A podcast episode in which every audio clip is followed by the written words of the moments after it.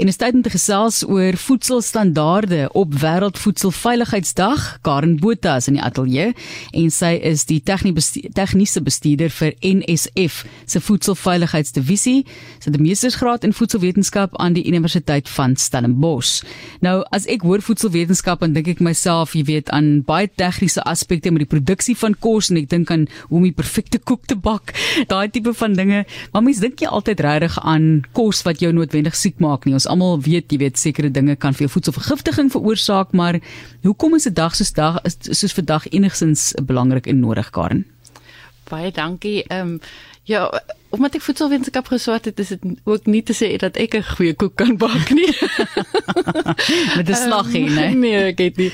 Ehm um, maar ja, ek ek dink voedselveiligheidsstandaarde in in 'n dag soos vandag is is regtig baie belangrik in die hele voedselveiligheidsketting. So van daar waar jy op die land in die landbou waar jy op die plaas ehm um, vrugte verbou, dwars deur die vervaardigingsproses in fabrieke, ehm um, distribusiesentrums, ehm um, tot in die in die supermarkte.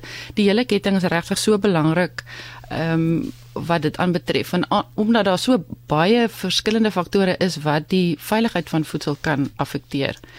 Ehm um, so dit kan byvoorbeeld mikrobiese probleme wees, patogene wat jou siek maak, soos wat ons nou met die kolera in die water sukkel, ehm um, is daar ook soortgelyke probleme wat ons in die voedsel kan kan kan hê, ehm chemiese probleme of risiko's, ehm um, daar kan daar bly byvoorbeeld skoonmaakmiddels in jou produk opeindig of of ehm um, swaar metale miskien. Ehm um, allergene wat nie verklaar word nie of enige fisiese goed, glas, stukkies glas miskien of 'n ja. klippie of enigiets wat dit onveilig kan maak. Kyk, ek voel altyd baie sleg vir mense wat byvoorbeeld aan neute of iets uh, of weens dit 'n allergie het want omtrent elke liewe ding wat jy na kyk is in 'n fabriek vervaardig met neute of hoe dit ook al sê en ek ek kry mense nou nogal jammer op daardie vlak maar dit is baie belangrik om dit natuurlik ook aan te dui. En vuil hande. Jy weet jy dink natuurlik aan die, die skoon omgewing maar ons eet baie vinnig. Ek eet my middagete met my paar amandelneetjies met die hand in 'n en so aan. 'n mens dink ook nie by die huis daaraan jy dink altyd aan voedselveiligheid as 'n fabriek of 'n winkel soos jy praat van die voedselketting en die leweringsverskaffingsketting wat baie belangrik is dat dit koud gehou word en daai tipe van ding. Mens dink eintlik aan ons eie verantwoordelikheid om ons hande gereeld te was nie. Ja ek dink die standaarde is is daar gestel en dit word vervat in wetgewing spesifiek ehm um, wat dit reguleer. Dit verwys ook na ander riglyne wat internasionaal beskikbaar is en en, en deur ehm um, verskillende liggame ontwikkel word soos Codex. Ehm um, hulle is hulle is hierdie jaar 60. Ehm um, ehm um, so so dit dit, dit is hulle 'n baie ehm um, is 'n baie beskikbare ehm um, stelsel waar jy kan ingaan en en spesifiek tot die produk wat jy wil produseer of waarmee jy besig is om te werk te gaan kyk wat is die aanvaarde riglyne om seker te maak dat die produk veilig is aan die einde. Maar soos jy sê in die, in in jou eie kombuis of in jou eie huis is dit ook belangrik om seker te maak dat mense daai goeie praktyke volg. Ehm um, soos Hanne was, maak seker die die kos is in die, die, die regte temperatuur gestoor in jou yskas wat baie keer uit uit ehm um, daging is deesdae met die kragsituasie. Ehm um, en ook as jy dit gaar maak, volg jy volg jy instruksies op die pakkie. Ehm um, maak seker dat dat dit die die temperatuur bereik wat dit veronderstel is om te bereik. Wat doen julle as NSF? Ons is eintlik maar net 'n klein stukkie ehm um, in hierdie in die here here ehm um, voedselveiligheidsketting.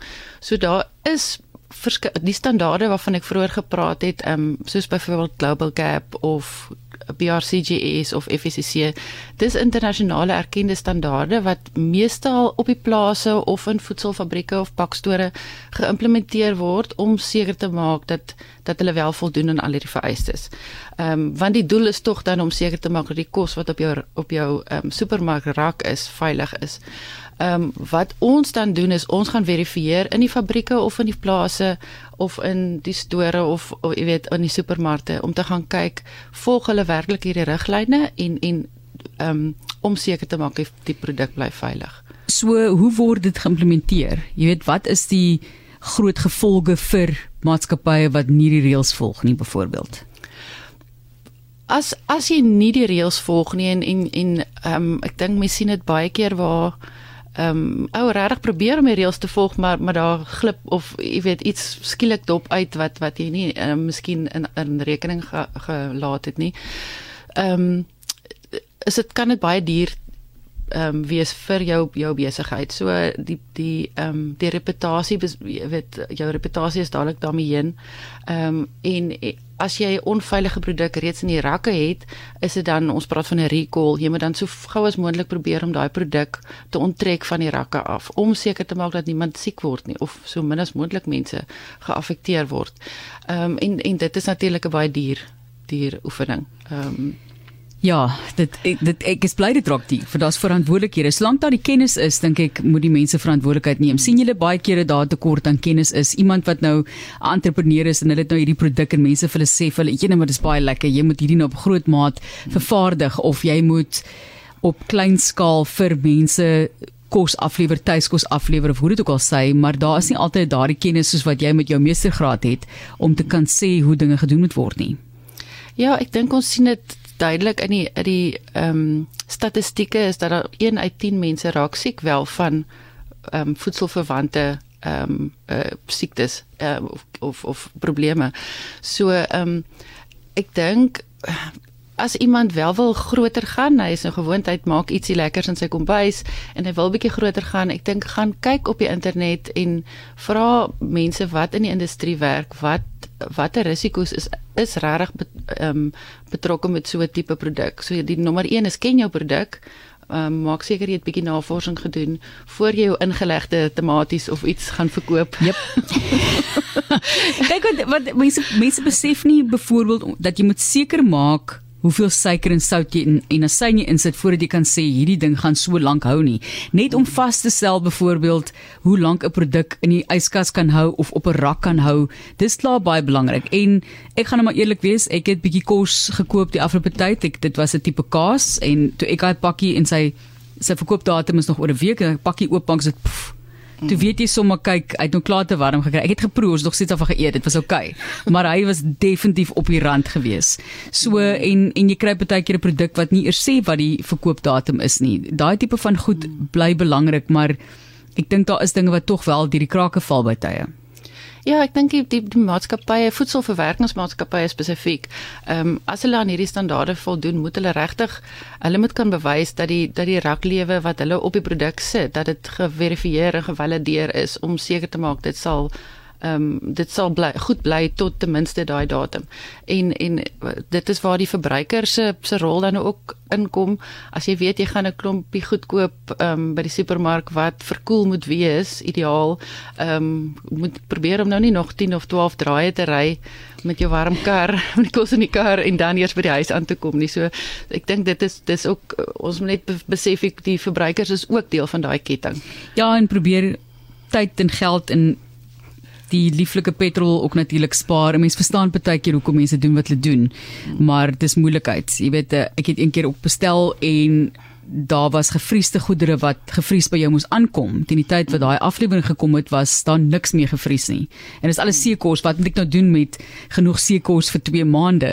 So jy kan dit nie weer gaan vries nie. Dis nie veilig nie en dit mense kon dit sommer dadelik ook toe nou agterkom later aan dit dit gaan nie werk nie. Ja. Maar ons sê vir julle baie dankie dat julle hierdie vereistes stel en dat daar gevolge is. Jou beste raad by die huis. Ons weet die beerkrag situasie is 'n probleem met yskaste wat nie noodwendig altyd temperatuur behou nie. Wat is jou beste raad by die huis om te voorkom dat daar moontlike siekte toestande voorkom weens kosveiligheid wat nie altyd behou word nie of nagekom word nie. Ek ek dink probeer maar die uh, probeer maar by die die die best before datums bly so ver moontlik as jy die goed aan alreeds aankoop in die supermark.